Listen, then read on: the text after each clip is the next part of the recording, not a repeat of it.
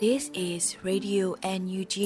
the voice of National Unity Government of Myanmar, broadcasting for Myanmar Spring Revolution. Radio NUG is transmitting from shortwave 16 meter 17.79 megahertz at 8:30 a.m. and 25 meter 11.94 megahertz at 8:30 p.m. Myanmar Standard Time. မင်္ဂလာပါရှင်။အမျိုးသားညီညွတ်ရေးအစိုးရရဲ့အတန်လွတ်ဌာန Radio NUG ကိုမန္တပိုင်း၈နိုင်ခွဲမှာလိုင်းတူ6မီတာ19.3ခွန်ကုန်းမဂါဟတ်စ်နဲ့ညပိုင်း၈နိုင်ခွဲမှာလိုင်းတူ25မီတာ17.3ကိုလီမဂါဟတ်စ်တို့မှာဓာတ်ရိုက်ဖမ်းယူနားဆင်နိုင်ပါပြီရှင်။မင်္ဂလာအပေါင်းနဲ့ပြည့်စုံကြပါစေ။အခုချိန်ကစပြီး Radio NUG စီစဉ်လေးကိုဓာတ်ရိုက်အတန်လွှင့်ပေးနေပါပြီ။ မြန်မာနိုင်ငံသူနိုင်ငံသားအပေါင်းတဘာဝပေးဆရာနာရှင်ပေတို့ကနေကင်းဝေးပြီးကိုစိတ်နှစ်ပါးဘေးကင်းလုံခြုံကြပါစေလို့ရေဒီယိုအန်ယူဂျီဖွယ်သားများကဆုတောင်းမြတ်တာပို့သလာရပါတယ်ရှင်။အခုချိန်ကစပြီးကာကွယ်ရေးဝန်ကြီးဌာနရဲ့စီရေးသတင်းချင်းချုပ်ကိုတော့လွတ်လပ်နေဦးကဖတ်ကြားတင်ပြပေးပါတော့မယ်ရှင်။ အခုချိန်ကစပြီးကာကွယ်ရေးဝန်ကြီးဌာနမှထုတ်ပြန်တဲ့နေ့စဉ်စစ်ရေးသတင်းကျဉ်းချုပ်တွေကိုတင်ပြပေးပါတော့မယ်။တိုက်ပွဲများမှာရန်သူတပ်သား10ဦးသေဆုံးပြီး6ဦးထိခိုက်ဒဏ်ရာရရှိခဲ့ကြောင်းသတင်းများရရှိပါတယ်။အဆိုပါအာဏာသိမ်းအချမ်းဖက်စစ်တပ်နဲ့တိုက်ပွဲဖြစ်ပွားမှုသတင်းများမှာပဲခူးတိုင်းမှာဇူလိုင်လ10ရက်နေ့မနက်9:30မိနစ်နဲ့နေ့လယ်12နာရီတို့မှာဖြူးမြို့နယ်အုတ်ဖြတ်စစ်တောင်းမြစ်ကူးတရားရှိရန်သူတပ်လုံခြုံရေးဂိတ်ကို KNL ရိုးမစစ်ကြောင်းနှင့်ပူးပေါင်းတပ်ဖွဲ့တို့မှ ဂိတ်ကိုစနိုက်ပါဖြင့်နှစ်ကြိမ်သွားရောက်ပစ်ခတ်ခဲ့ရာရန်သူတပ်ဖွဲ့ဝင်2ဦးသေဆုံးသွားကြောင်းသိရပါတယ်။ဇူလိုင်လ10ရက်နေ့နေ့လယ်တနာရီ24မိနစ်အချိန်ခန့်တွင်ဖြူးမြို့နယ်အုတ်ဖြတ်စစ်တောင်းမြစ်ကူးတရားရှိရန်သူတပ်လုံခြုံရေးဂိတ်ကို KNL ရိုးမစစ်ကြောင်းနှင့်ဒရုန်းပူးပေါင်းတပ်ဖွဲ့တို့မှဂိတ်ကိုဒရုန်းပုံးသီးနဲ့တတိယအကြိမ်သွားရောက်ပစ်ခတ်ခဲ့ရမှာလဲရန်သူတပ်ဖွဲ့ဝင်2ဦးသေဆုံးပြီး3ဦးထိခိုက်ဒဏ်ရာရရှိခဲ့ကြောင်းသိရပါတယ်။ဇူလိုင်လ10ရက်နေ့မနက်9:30မိနစ်ခန့်မှာ ရေဒါရှည်မြို့နယ်ကျွဲရိုင်းပြင်ကြေးရွာအရှိတောင်ဘက်စစ်တောင်းမြစ်ကူးတရားပေါ်ရှိအင်အား90ဦးခန့်ရှိသောရန်သူတပ်စစ်ဆေးရေးဂိတ်ကိုပြည်သူ့ကာကွယ်ရေးတပ်မတော်တောင်ငူခရိုင်တပ်ရင်း3531တပ်ခွဲ4တပ်ခွဲ6နဲ့ရေဒါရှည်မြို့နယ်ပကဖပူပေါင်းစစ်ကြောင်းတို့ကစနိုက်ပါပြစ်သွားရောက်ပစ်ခတ်ခဲ့ရာရန်သူတပ်သား3ဦးထိခိုက်ဒဏ်ရာရရှိခဲ့ပါတယ်။ထို့နောက်ရန်သူတပ်ကလက်နက်ကြီးလက်နက်ငယ်များဖြင့်ညနေ3နာရီထိပြန်လည်ရန်တမ်းပစ်ခတ်ခဲ့တာကြောင့်တောင်သာကြေးရွာမှ ပြည်သူပိုင်နေအိမ်တစ်လုံးနဲ့အခြားကြေးရွာများမှာပြည်သူပိုင်အိမ်များထိမှန်ပျက်စီးခဲ့ကြောင်းသိရပါတယ်ခင်ဗျာဇူလိုင်လ10ရက်နေ့ည8:35မိနစ်ခန့်မှာတော့ဖြူးမြို့နယ်အုတ်ဖြတ်တံတားလုံခြုံရေးယူပေးရန်ရောက်ရှိနေတဲ့အုတ်ဖြတ်ရဲစခန်းတွင်ရှိရန်သူတပ်ဖွဲ့ကို KNL ရိုးမစစ်ကြောင်းနှင့်ဒရုန်းပူပေါင်းတပ်ဖွဲ့တို့မှ60မမဘုံသီးနှလုံးနဲ့ဒရုန်းအုံပြုသွားရောက်ပစ်ခတ်ခဲ့ရမှာရန်သူတပ်ဖွဲ့ဝင်6ဦးသေဆုံးသွားကြောင်းသိရပါတယ်ခင်ဗျာ ဆက်လက်ပြီးအာနာသိန်းအကြမ်းဖက်စစ်တပ်ကကျူးလွန်ခဲ့သောရာဇဝတ်မှုတွေကိုတင်ပြပါဦးမယ်။ ARD တိုင်းမှာဇူလိုင်လ17ရက်နေ့ကရရှိတဲ့သတင်းအရ ARD တိုင်း၌ဇူလိုင်လပထမပတ်အတွင်းကြံခင်းမြို့မှာတအူးမြန်အောင်မြို့မှာတအူးနဲ့ညောင်တုံးမြို့မှာတအူးစုစုပေါင်း3ဦးဖမ်းဆီးခံရပြီးနေအိမ်တစ်လုံးချိတ်ပိတ်ခံခဲ့ရကြောင်းသိရပါတယ်ခင်ဗျာ။တောတာရှင်များခင်ဗျာယခုတင်ပြခဲ့တဲ့သတင်းတွေကိုမြေပြင်သတင်းတာဝန်ခံတွေနဲ့ခိုင်လုံသောမိဘသတင်းရင်းမြစ်များမှာအခြေခံတင်ပြထားတာဖြစ်ပါတယ်ခင်ဗျာ။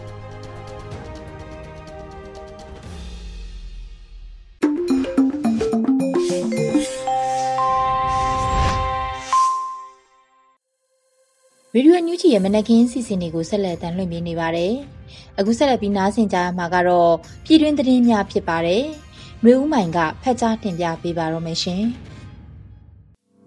မင်္ဂလာပါရှင်။အခုချိန်ကစာပီရေဒီယို UNG ရဲ့ဇူလိုင်လ12ရက်နေ့မနက်ခင်းပြည်တွင်းသတင်းများကိုဖတ်ကြားပေးပါတော့မယ်။ကျွန်မမျိုးဦးမိုင်ပါ။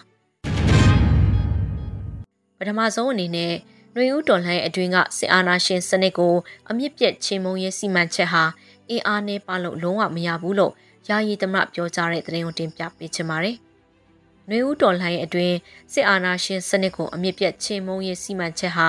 အင်အားနဲ့ပါလို့လုံးဝမရဘူးလို့ယာယီသမရဒိုဝါလက်ရှိလာကဇူလိုင်17ရက်မှာကျင်းပတဲ့အမျိုးသားညီညွတ်ရေးအစိုးရ23ကြိမ်မြောက်အစိုးရအဖွဲ့အစည်းအဝေးမှာပြောပါတယ်။နှွေဦးတော်လှန်ရေးအတွင်းကစစ်အာဏာရှင်စနစ်ကိုအမြင့်ပြတ်ချိန်မုံရေးစီမံချက်ဟာအင်အားနည်းပါလို့လုံးဝမရပါဘူး။ ဒါကြောင့်အားလုံးက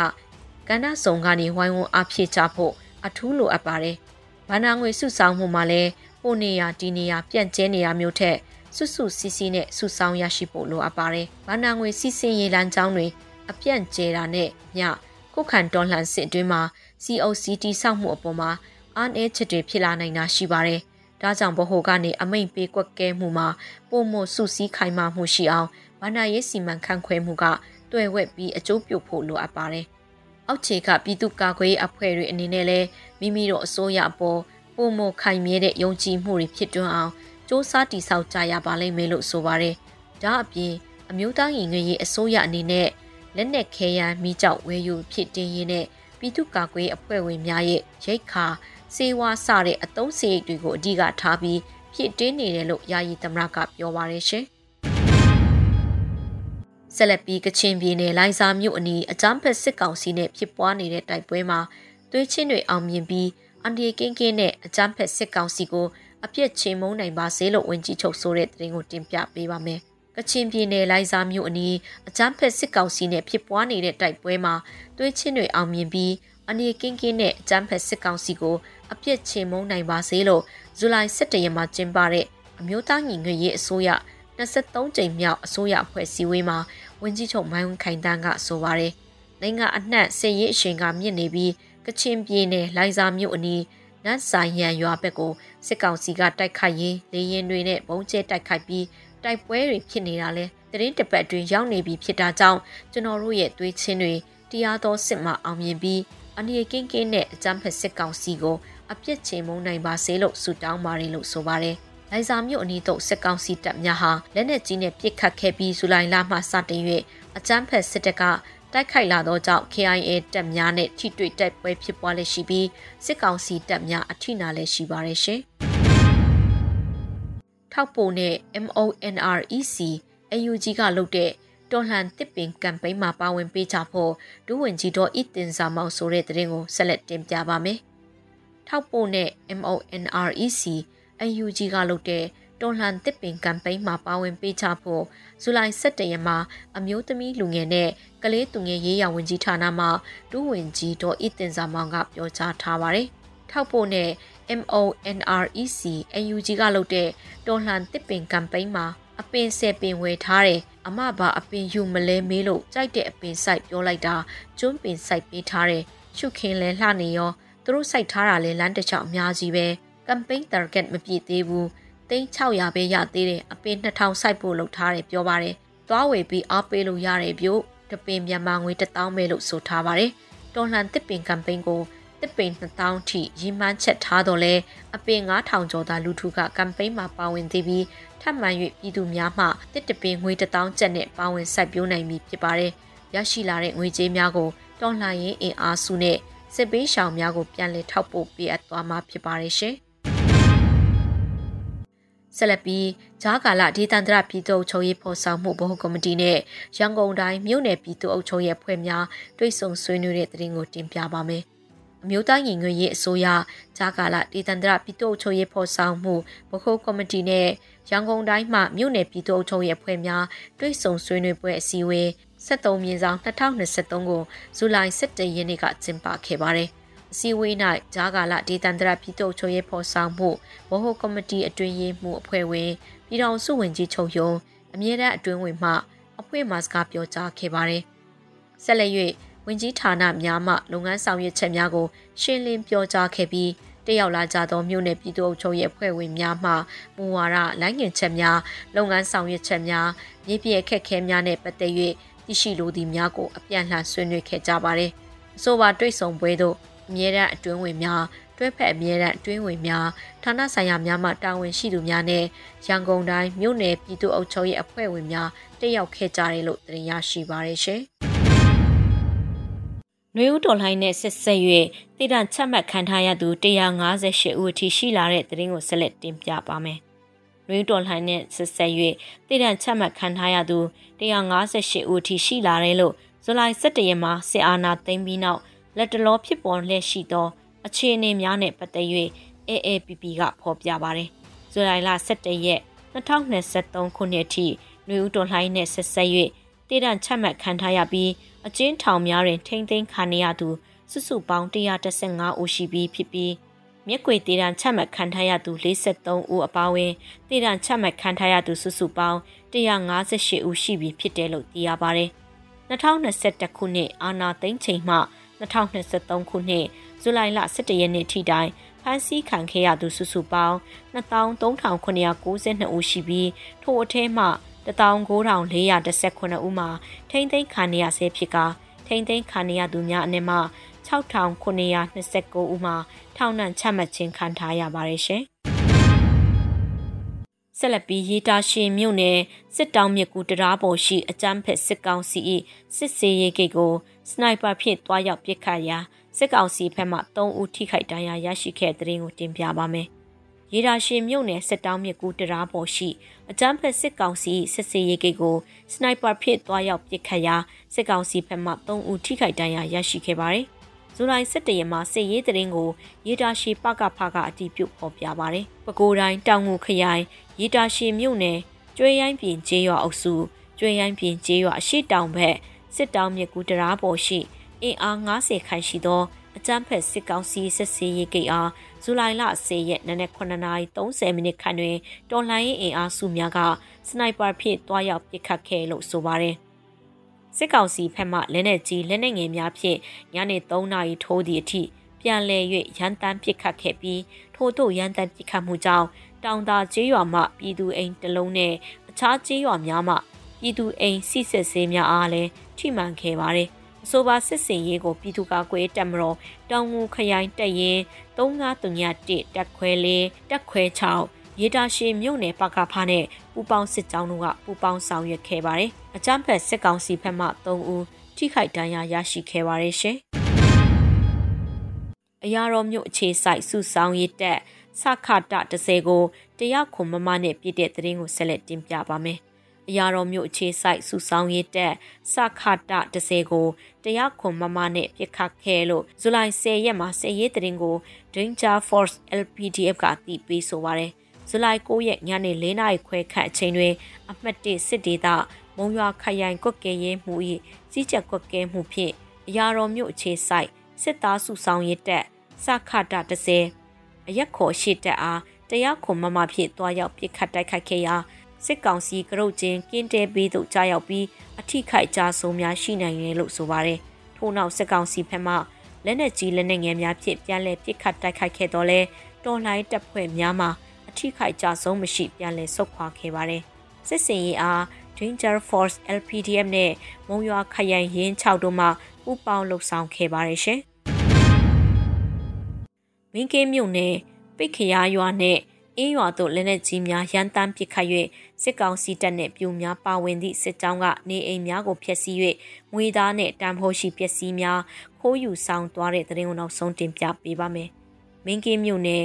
ပိတ်ခရရွာနဲ့အင်းရွာသို့လက်နက်ကြီးများရန်တမ်းပစ်ခတ်၍စစ်ကောင်စီတပ်နှင့်ပြူများပါဝင်သည့်စစ်ကြောင်းကနေအိမ်များကိုဖျက်ဆီး၍ငွေသားနှင့်တံပိုးရှိပစ္စည်းများ ခိုးယူဆောင်သွားတယ်လို့သတင်းရရှိပါတယ်။ဇူလိုင်17ရက်မှာအမှတ်17တပ်ရင်းမင်းကင်းကဖြစ်စဉ်ကိုအသိပေးဆိုပါတယ်။ဇူလိုင်9ရက်နေ့ကစစ်ကောင်စီတပ်နဲ့ပြူစစ်ကြောင်းနှစ်ကြောင်းမှပိတ်ခရရွာနဲ့အင်းရွာတို့လက်နက်ကြီးများရန်တမ်းပစ်ခတ်၍ကျူးကျော်ကပြည်သူပိုင်အိမ်များကိုဝင်ရောက်ဖျက်ဆီးပြီးလိုချင်သည့်အရာများခိုးယူသွားခဲ့ပါတယ်လို့ဆိုပါတယ်။ပိတ်ခရရွာရှိပြည်သူပိုင်နေအိမ်တလုံးလက်နက်ကြီးထိမှန်ပျက်စီးခဲ့ပြီးအင်းရွာမှပြည်သူပိုင်ဖုန်းရှစ်လုံး ခိုးယူသွားကစိုင်ကယ်တစီဆိုလာတစ်ချက်ရေဆက်တလုံးဖျက်ဆီးခံခဲ့ရပါတယ်။ဒါအပြင်နွားတကောင်ကျွဲတကောင်ဝက်တကောင်ကိုပြစ်ခတ်ခဲ့ပြီးရွှေဆွဲကြိုးတကုံလက်ဆွတ်တကွန်းနကတ်နှစ်စုံပိတ်ဆန်သိန်း20ကျော်ခိုးယူသွားတယ်လို့ဆိုထားပါတယ်ရှင်။အခုတင်ပြခဲ့တဲ့သတင်းတွေကို Radio UNG သတင်းထောက်မင်းတီဟန်ကပေးပို့ထားတာဖြစ်ပါတယ်ရှင်။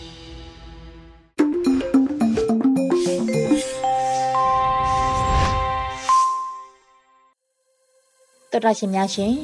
အခုဆက်လက်ပြီးနားဆင်ကြရမှာကတော့တော်လှန်ရေးကဗျာအနေနဲ့မောင်လင်းရဲ့ရေးသားပြီးရေဦးမိုးရွတ်ဖက်ထားတဲ့စေတံနဲ့လီရင်ပြန်လူအမည်ရတဲ့တော်လှန်ရေးကဗျာကိုနားဆင်ကြရတော့မှာဖြစ်ပါတယ်ရှင်။စေတန်နဲ့လိန်ပြန်တောင်မှန်ကိုချစ်တဲ့စိတ်ဟာ Acres တို့သားအဖကစတယ်ဆိုရင် right တို့ညီတော်ရဲ့လက်ထက်မှာလူသားဟာ angel တွေရဲ့ပါဝါကိုရလိုက်တာပဲဒါဟာတောထဲကကြောင်းတစ်ကြောင်းမှာလေကြောင်းပြန်တန်းမှုသမိုင်းရဲ့သင်ခန်းစာကို အစပြိုးလိုက်ပုံဖြစ်တယ်။တိရိတ်ကြောင်းရဲ့ဘေးနားမှာမြေသားမြောင်းနက်နက်တွေကိုမြင်မိရလား။ကလေးတွေရဲ့တောင်ပံမုံစိတ်ကိုလေရင်ပြစ်ဒုံးတွေနဲ့မှဖြေဖြောက်လို့ရနိုင်မလား။ကြောင်းတင်ကလေးစုံ လင်္ကာဟောင်းလေးဟာချိုသားတက်ကြွလှပေးရဲ့မြေတန်ဟိမ့်တန်တညံညံကောင်းကင်ရံကဘာတန်လဲကွယ်မြေတန်ဟိမ့်တန်တညံညံကောင်းကင်ရံကလေရင်ပြန်ကွယ်ဒါပေမဲ့လေရင်ပြန်နဲ့တူတူပုံတိုင်းကစားနေရတဲ့ကလေးတွေအတွက်လေရင်ပြန်ဟာစိတ်တမ်းပဲ feeling တက feeling ပဲငါတို့အိမ်ဝင်းထက်ကကြက်ပေါက်စကလေးတွေအတွက် အရက်ဆက်ဆုံးတင်းဆုံငှက်ပဲတောင်မန်ကိုမုန်းတဲ့စိတ်ဟာစစ်ဘေးတဲ့ကလေးငယ်လေးတွေရဲ့ရင်ထဲကစခဲ့တာငှက်ကင်းတို့ပဇင်ပြစ်တို့ဆိုတာဘဝထဲကဘန်းစကားတွေပဲဖြစ်ပေလေမောင်လင်းရိတ်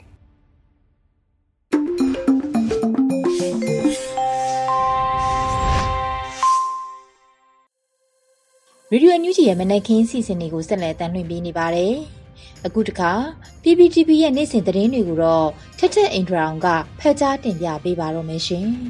။အခုချိန်ကစပြီး PPTV သတင်းတွေကိုတင်ဆက်ပေးတော့မှာပါ။ကျွန်မထက်ထက်အင်ဒရာအောင်ပါ။ပထမဆုံးတင်ဆက်ပေးမှာကတော့ Timor Leste နိုင်ငံကိုတွားရောက်ခဲ့တဲ့နိုင်ငံသားရေးဝန်ကြီးဒေါ်စင်မအောင်ရဲ့တရားဝင်ခီးစဉ်နဲ့ဆက်လင်းပြီးတော့နိုင်ငံသားရေးဝန်ကြီးဌာနကသတင်းထုတ်ပြန်လိုက်တဲ့သတင်းမှာ Timor Leste နိုင်ငံသမ္မတရဲ့တရားဝင်ဖိတ်ကြားချက်အရအမျိုးသားညီညွတ်ရေးအစိုးရနိုင်ငံသားရေးဝန်ကြီးဌာနပြည်ထောင်စုဝန်ကြီးဒေါ်စင်မအောင်ဦးဆောင်တဲ့ကိုယ်စားလှယ်အဖွဲ့တွားရောက်ခဲ့တဲ့ခီးစဉ်နဲ့ဆက်လင်းပြီးတော့နိုင်ငံသားရေးဝန်ကြီးဌာနကဇူလိုင်လ10ရက်ရက်စွဲနဲ့သတင်းထုတ်ပြန်ခဲ့ပါတယ်။ထုတ်ပြန်ချက်ထဲမှာနိုင်ငံခြားရေးဝန်ကြီးဌာနပြည်ထောင်စုဝန်ကြီးဒေါ်စမအောင်ဦးဆောင်တဲ့ကိုယ်စားလှယ်အဖွဲ့ကဇူလိုင်လ၁ရက်နေ့ကနေ9ရက်နေ့အထိတီမောလက်စတေနိုင်ငံကိုတရားဝင်ခီးစဉ်တွားရောက်ခဲ့ပြီးတော့ခီးစဉ်အတွင်း ဒေသရင်းနိုင်ငံများနဲ့ဆက်ဆံရေးတိုးမြင့်ရေးအိန္ဒိချင်းနိုင်ငံများနဲ့ပုံမှုတိုးတက်ခိုင်မာတဲ့ဆက်ဆံရေးတည်ဆောက်နိုင်ရေးဒေသရင်းအဖွဲ့အစည်းများမှာမြန်မာနိုင်ငံရဲ့အခမ်းကဏ္ဍကိုတိုးမြင့်ဆောင်ရွက်နိုင်ရေးတို့အတွက်ရည်ရွယ်ပြီးတော့တွားရောက်ခဲ့တာလို့ဖော်ပြထားပါတယ်။ခီးစဉ်အတွင်းမှာပြည်တော်စုဝင်ကြီးဦးဆောင်တဲ့ကိုယ်စားလှယ်အဖွဲ့ကတီမောလက်စတေနိုင်ငံရဲ့သမ္မတဝန်ကြီးချုပ်နိုင်ငံသားရေးဝန်ကြီးများအပါအဝင်တာဝန်ရှိသူများနဲ့တွေ့ဆုံခဲ့တယ်လို့လည်းသိရပါဗျ။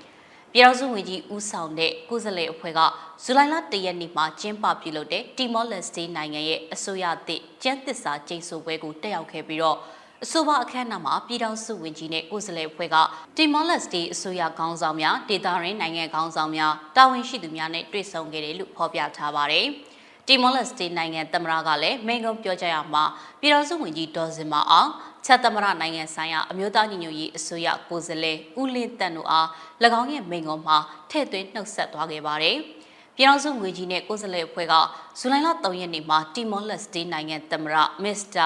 ဂျိုးစ်ရာမိုဟော်တာနဲ့၎င်းရဲ့ရုံးခန်းမှာတနအီကျော်ကြာရင်းရင်းနှီးနှီးတွေ့ဆုံဆွေးနွေးခဲ့ကြပါတယ်။ပြည်ထောင်စုဝန်ကြီးကနိုင်ငံတော်အတိုင်ပင်ခံပုဂ္ဂိုလ်ဒေါအောင်ဆန်းစုကြည်ရဲ့ပုံတူပကြီးကားကိုတီမောလက်စတေနိုင်ငံတမရထံကိုအမတ်တရလက်ဆောင်အဖြစ်ပေးရခဲ့တယ်လို့ တီမောလက်စတေနိုင်ငံလွှတ်တော်ဥက္ကဋ္ဌနဲ့လွှတ်တော်ဥက္ကဋ္ဌရုံးခန်းမှာတွေ့ဆုံဆွေးနွေးခဲ့ကြပါတယ်။ပြည်ထောင်စုဝန်ကြီးနဲ့ကိုယ်စားလှယ်အဖွဲ့ကတီမောလက်စတေနိုင်ငံတရဝင်ခီးစဉ်အတွင်းမှာအစိုးရတာဝန်ရှိသူတွေနဲ့ဆက်လက်တွေ့ဆုံခဲ့ရာဇူလိုင်လ၄ရက်နေ့မှာတီမောလက်စတေနိုင်ငံနိုင်ငံခြားရေးဝန်ကြီးနဲ့တီမောလက်စတေနိုင်ငံခြားရေးဝန်ကြီးဌာနမှ၎င်း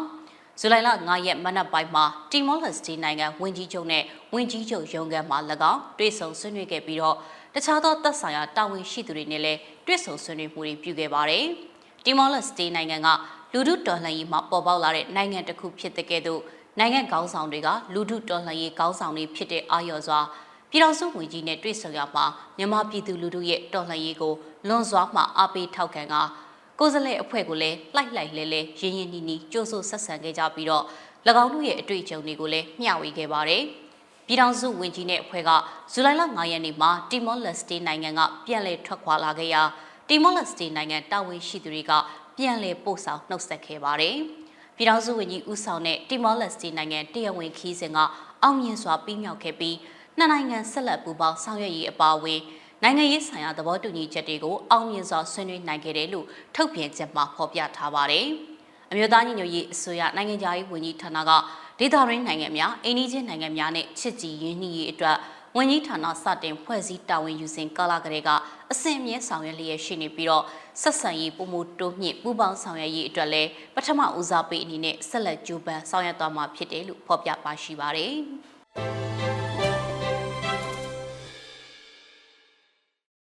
MAI လေကြောင်းလိုင်းရဲ့နိုင်ငံခြားဗန်စရင် ဘဏ်အကောင့်တွေကိုစင်ကာပူအခြေစိုက် UOB ဘဏ်ကပိတ်သိမ်းလိုက်တဲ့အပေါ်ထောက်ခံကြိုဆိုတဲ့အကြောင်းမြန်မာနိုင်ငံအလုတ်သမားတပ်ပေါင်းစုကထုတ်ပြန်လိုက်တဲ့သတင်းကိုတင်ဆက်ပေးပါမယ်။အကြမ်းဖက်စစ်ကောင်စီရဲ့မိဖက်ဖြစ်တဲ့ MAI လေးချောင်းလိုက်ရဲ့နိုင်ငံခြားဗန်စရင်ဘဏ်အကောင့်တွေကိုစင်ကာပူအခြေစိုက် UOB ဘဏ်ကပိတ်သိမ်းလိုက်တဲ့အပေါ်ထောက်ခံကြိုဆိုတယ်လို့မြန်မာနိုင်ငံအလုတ်သမားတပ်ပေါင်းစုကဇူလိုင်လ10ရက်ရက်စွဲနဲ့ထုတ်ပြန်ပါတယ်။စင်ကာပူအခြေစိုက်ဘဏ် UOB ဘဏ်က မြန်မာ Airway International MAI လေးချောင်းလိုင်းကိုဇူလိုင်လ31ရက်နေ့ကစတင်ပြီးတော့ UOB ကိုအသုံးပြုပြီးငွေပေးချေမှုများဆောင်ရွက်ခွင့်ပြုမှာမဟုတ်ဘူးဆိုတာနဲ့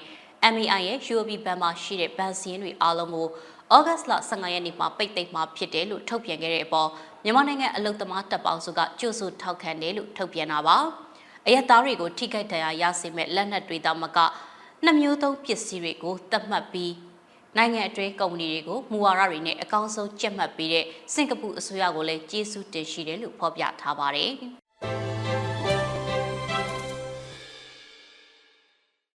အခုနောက်ဆုံးအနေနဲ့မြန်မာနိုင်ငံတဝန်ကလူလူတပိတ်သတင်းတွေကိုတင်ဆက်ပေးပါမယ်။ရင်းမပင်စလိန်ကြီးရွာပေါင်းစုံတပိတ်ကအကျန်းဖတ်စစ်တပ်ကြရှော်ရေးဆန္ဒပြတပိတ်ကို841ရက်မြောက်အဖြစ်နဲ့ဒီကနေ့မှပြုလုပ်ပါတယ်။ တော်လှန်ပြည်သူတွေကရွာပေါင်းစုံလူလူတပိတ်စစ်ကြောင်းဆိုတဲ့စာသားတွေကိုကိုက်ဆွဲပြီးတော့အကြမ်းဖက်စစ်တပ်ကြရှုံးရေးဟစ်ကြွေးမှုတွေပြုလုပ်တာပါ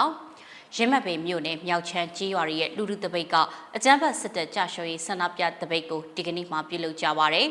တော်လှန်ပြည်သူတွေကပေးဆက်သူတို့အတွက်တရားမျှတမှုပြရဖို့လူလူအားနဲ့တိုက်ယူကြဆိုတဲ့စာသားကိုကိုက်ဆွဲပြီးတော့ချီတက်ခဲ့ပါတယ်။စကိုင်းတိုင်းရင်းမပင်စလဲကြီးရွာပေါင်းစုံတပိတ်ကလည်း840ရက်မြောက်ဖြစ်နေအောင်လန်နှင့်မြရွှေရွေကြီး အာမန်တဲ့ကဲတင်ရှင်မရှာတို့ကြီးရွာစတဲ့တပိတ်စစ်ကြောင်းတွေပူးပေါင်းပြီးတော့တော်လှန်ရေးဖျော်ဖြေမှုတွေနဲ့ဆရာမရှိစန့်ကျင်ရေးတပိတ်ကိုပြုလုပ်ကြပါတယ်။တော်လှန်ရေးဖျော်ဖြေမှုကရရှိလာတဲ့အလူငွေတွေကိုတော့ညောင်ဝင်းကြီးကြီးရွာမိဘတင်ပြည်သူတွေအတွက်လှူဒန်းသွားမှာဖြစ်တယ်လို့ရင်းမပင်စလင်ကြီးရွာပေါင်းစုံတပိတ်ကော်မတီကအသိပေးထုတ်ပြန်ထားပါတယ်။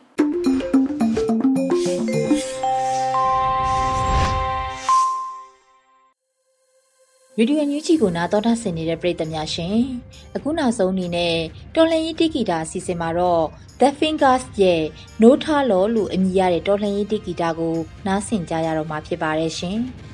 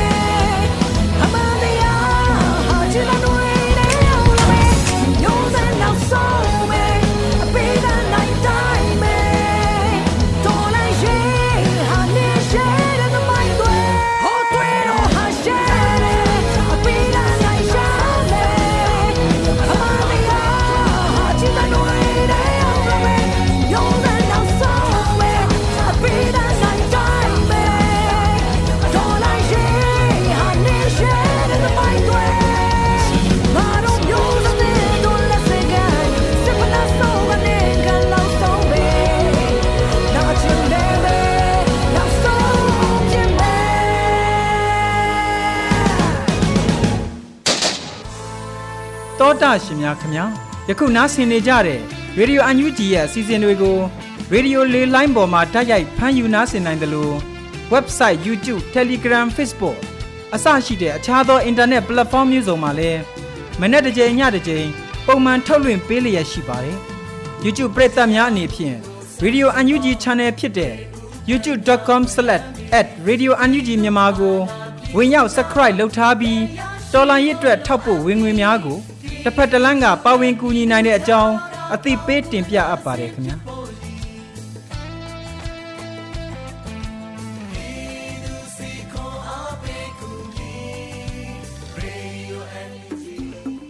ဒီကနေ့ကတော့ဒီညနေပဲ Radio NUG ရဲ့အစီအစဉ်လေးကိုခေတ္တရ延နာလိုက်ပါမယ်ရှင်မြန်မာစံတော်ချိန်မနေ့၈နိုင်ခွဲနဲ့ည၈နိုင်ခွဲအချိန်တွေမှာပြောင်းလဲဆိုပြကြပါစို့ရှင် Radio NUG ကို မနေ့ပိုင်း၈နိုင်ခွဲမှာလိုင်းတူ16မီတာ19.7 MHz နဲ့ညပိုင်း၈နိုင်ခွဲမှာ